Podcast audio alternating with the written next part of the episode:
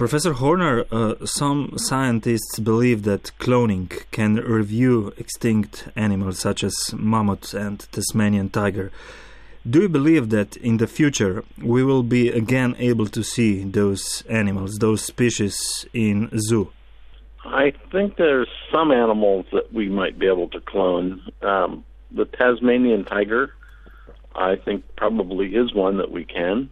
Um, the mammoth elephant, I don't know if we if we will get enough DNA to do that, but I think we could we could add to cloning with some genetic engineering and find a way to make an animal very similar to a mammoth elephant.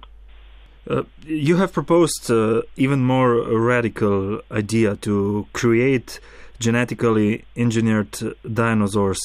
Can you explain how to recreate uh, from the chicken, for example?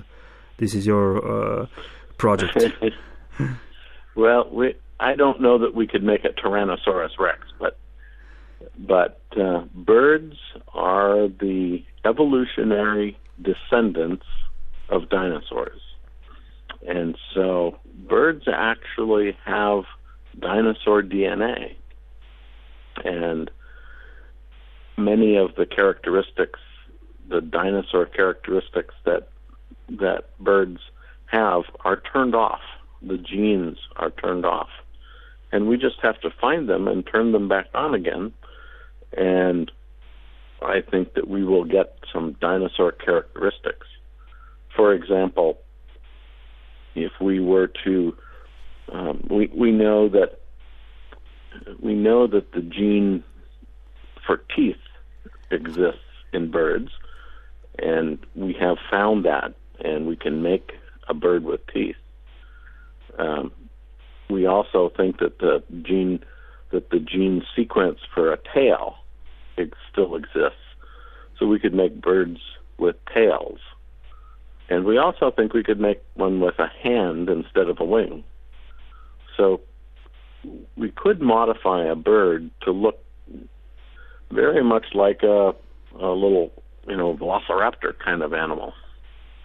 But to make a T Rex, of course, we would need we it would take more drastic, um, more sophisticated genetic engineering. Mm-hmm. And uh, uh, how long uh, have you been with this research, and uh, when can we expect to see a first uh, dinosaur in your lab, from your lab? Well, we've been we've been we've been working on and off. It, it's a like all projects, it's a funding problem. Um, and so we've been working on and off for about five years, and we're working pretty hard on it now. And I think that we will see a dinosaur in a lab within the next three to five years. And uh, the last uh, question uh, which uh, dinosaur uh, would you like uh, to, let's say, give birth and have it in your garden? well, I don't. I don't know that I would want any dinosaur in my garden, but but but I think I think the first dinosaurs that we make will look very much like a little velociraptors. Mm-hmm. they will probably, and then they'll probably eat the cat. Uh, Professor Horner, you also served as the technical advisor for all of the, of the Jurassic Park films, if I'm right. Uh, and uh, you served as a partial inspiration for one of the lead characters, uh, Dr. Alan Grant.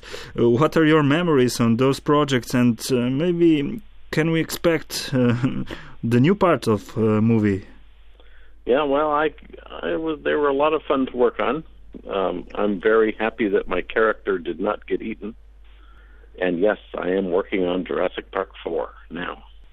Uh, Jurassic Park 4 will be out in the summer of 2014.